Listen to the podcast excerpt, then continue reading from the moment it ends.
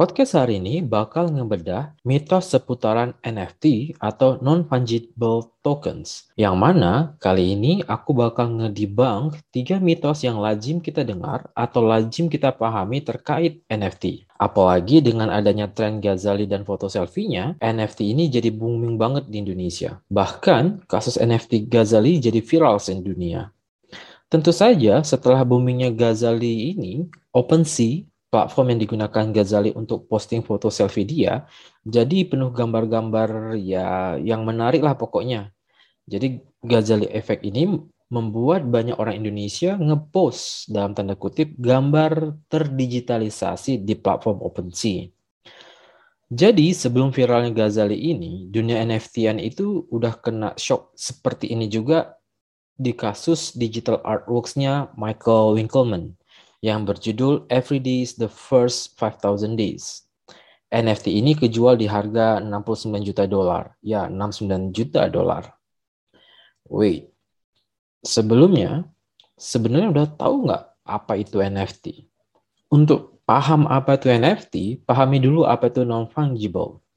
Secara gampangnya, non-fungible artinya unik, tidak tergantikan, dan tidak ada substitusinya istilah kerennya the one and only. Misalnya nih, kalau awalnya kita pakai alat tukar perak dan peraknya habis, kan kita bisa ganti dengan emas tuh. Sama halnya dengan emas, emas juga bisa digantikan oleh komoditas lainnya atau bahkan kayak sekarang, setelah kita nggak pakai gold standard, kita boleh gantikan dengan fiat money. Jadi dia tergantikan. Nah, yang tergantikan ini namanya fungible. Kalau non-fungible kayak NFT ini, emas tadi itu nggak ada substitusinya, nggak ada penggantinya, dan yang paling penting di one and only. Contoh sederhana non-fungible itu ya kayak kartu basket NBA Michael Jordan atau kayak lukisan Mona Lisa yang memang cuman itu satu-satunya lukisan atau itu satu-satunya kartu, nggak ada kartu yang sama atau bahkan yang serupa dan kartunya tadi nggak bisa direplikasi. NFT atau non-fungible token ini ialah token yang unik, tidak tergantikan, dan tidak ada substitusinya. Untuk memastikan dia irreplaceable dan decentralized, NFT menggunakan teknologi blockchain. Nah, permasalahannya, gegara dia menggunakan teknologi blockchain kayak Bitcoin atau Ethereum, orang awam akan mengira bahwa NFT ini semacam cryptocurrency lainnya, which is wrong. Teknologinya sama dengan Bitcoin atau Ethereum, yaitu blockchain. Tapi bukan berarti NFT ini another cryptocurrency. Maksud perkataan token di sini ialah NFT merepresentasikan a digital asset yang bisa berupa arts, graphics, music, videos, dan ya kayak kasus Ghazali, foto. Tapi jangan salah, merepresentasikan digital asset does not mean it is a digital asset. Makanya muncul juga mitos bahwa NFT ialah sebuah karya seni yang ada di blockchain atau NFT ialah digital asset in blockchain dan ini salah. Sekali lagi, hati-hati dengan perbedaan antara NFT merepresentasikan digital asset dengan NFT is digital asset. NFT itu kan token token yang non-fungible tadi. Jadi bukanlah aset itu sendiri, tetapi lebih merupakan representasi dari catatan unik data digital yang terkait dengan digital asset. Atau secara sederhananya, NFT ini kayak kunci digital untuk menemukan dan mengakses digital asset kita. Kalau kalian refer website portal-portal berita begitu, biasanya mereka akan mensamaratakan bahwa NFT itu is a digital asset, which is wrong. Tapi kalau kalian lihat portal keuangan atau komunitas NFT, mereka akan bilang, no, NFT represent, ingat ya, represent digital asset. Kedua, bukan digital assetnya yang disimpan dalam ledgernya si blockchain, tetapi token atau NFT-nya yang disimpan dalam blockchain. Yang saat ini yang paling terkenal itu Ethereum blockchain.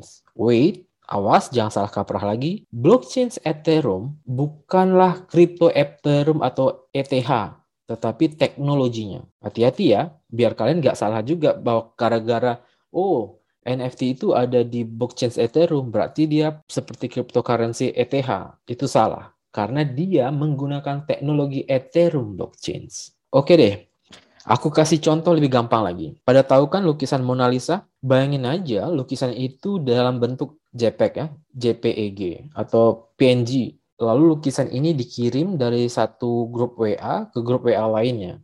Gimana kita tahu Mona Lisa dalam bentuk JPEG ini adalah lukisan Mona Lisa yang asli? Karena setiap orang bisa memforward-forwardnya, dia save di dalam handphonenya. Terus gimana kita tahu bahwa gambar Mona Lisa dalam bentuk JPEG ini adalah yang asli? Kalau yang lukisan asli kan memang ada kuratornya. Dia akan lihat lukisan yang physically, dia teliti, terus tahu, oh ini lukisan Mona Lisa yang asli. Kalau yang berbentuk JPEG, saya punya JPEG Mona Lisa, kamu punya JPEG Mona Lisa, saudara-saudara kita yang lain punya JPEG Mona Lisa. Terus mana yang asli? Untuk tahu bahwa Mona Lisa .jpeg yang asli, maka dikasihlah salah satu semacam digital signature yang berbentuk token. Dan token inilah NFT itu. Jadi pas ada orang klaim, eh Mona Lisa .jpeg gue yang asli nih. Kamu bisa bilang, no, no, no. Gue yang pegang kuncinya. Gue yang ada NFT-nya. Yang di gue ini asli. Kalau nggak percaya, ayo. Bisa akses nggak ke Mona Lisa JPEG yang asli? Mana digital signature-nya? Nah, digital signature itulah NFT-nya. Supaya token ini nggak bisa direplikasi dan the one and the only, maka diletakkan dalam teknologi blockchain.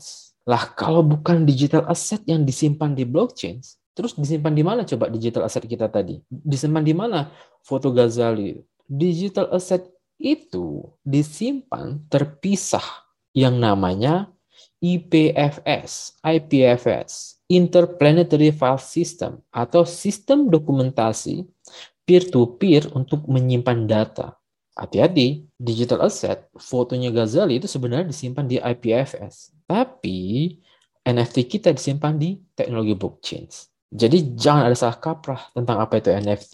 Mitos NFT lainnya ialah dengan membeli NFT, pembeli secara otomatis mengambil alih kepemilikan the underlying asset atau digital asset tadi. Padahal yang dibeli itu NFT-nya atau token atau kunci untuk mengakses aset tadi. Atau dengan kata lain, pembeli NFT hanya mengambil kepemilikan NFT yang menyediakan tautan ke aset tadi. Atau dengan gampangnya, pembeli NFT itu hanya membeli kunci untuk mengakses, untuk buktikan bahwa dialah yang bisa mengakses the digital asset. Sederhananya itu gini, kita mau lihat lukisan Mona Lisa yang lagi dipajang di museum. Nah, untuk masuk museum itu kita perlu link atau kunci atau token. Dan token itulah NFT-nya. Yang dibeli dalam tanda kutip kunci. Bukan berarti beli digital asetnya. Jadi hati-hati. Pas kita beli NFT itu, sebenarnya kita nggak beli digital asetnya, tapi akses, memberships, digital signature untuk digital asetnya. Tapi apakah artinya kita nggak bisa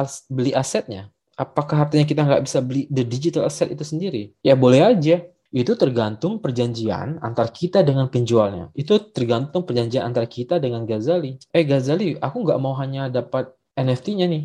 Aku juga pengen klaim bahwa foto itu adalah milik aku. Itu kan udah terkait dengan haki ya, intellectual property right. Nah, karena salah kaprah tentang membeli NFT artinya mengambil alih kepemilikan aset, muncullah permasalahan lainnya, yaitu setelah membeli NFT, pembeli NFT membeli kebebasan penuh untuk mengeksploitasi asetnya. Padahal kan tadi berarti dia udah nggak ngerti nih, kalau beli NFT itu sebenarnya beli tokennya doang, beli aksesnya doang. Dan dia pikir, oh aku kan udah punya token atau kunci untuk mengakses digital aset ini, berarti aku boleh dong mengeksploitasi asetnya. Misalnya, aku boleh dong memajang atau mengkomersialkan digital asset dari NFT-nya. Itu salah kaprah lainnya. Ini sama dengan permasalahan koleksi kartu NBA, kalau teman-teman ingat. Pas kita beli kartu NBA, atau let's say kita beli lukisan mahal dari Sotheby's, ada tuh terms of use-nya alias ketentuan penggunaan, yaitu pembeli tidak memiliki hak untuk memajang, mereproduksi, apalagi mengkomersialkan kartu NBA atau lukisan yang kita beli. Begitu juga dengan NFT. Karena kita beli the digital signature, the key, the access, and it means kita juga nggak punya hak untuk mengeksploitasi digital asset yang ada di NFT. Bagaimana dengan riset keuangan? Unfortunately, masih jarang riset tentang NFT di keuangan. Ada beberapa sih, misalnya Michael Dowling, buat riset tentang hubungan NFT dengan cryptocurrency atau harga NFT di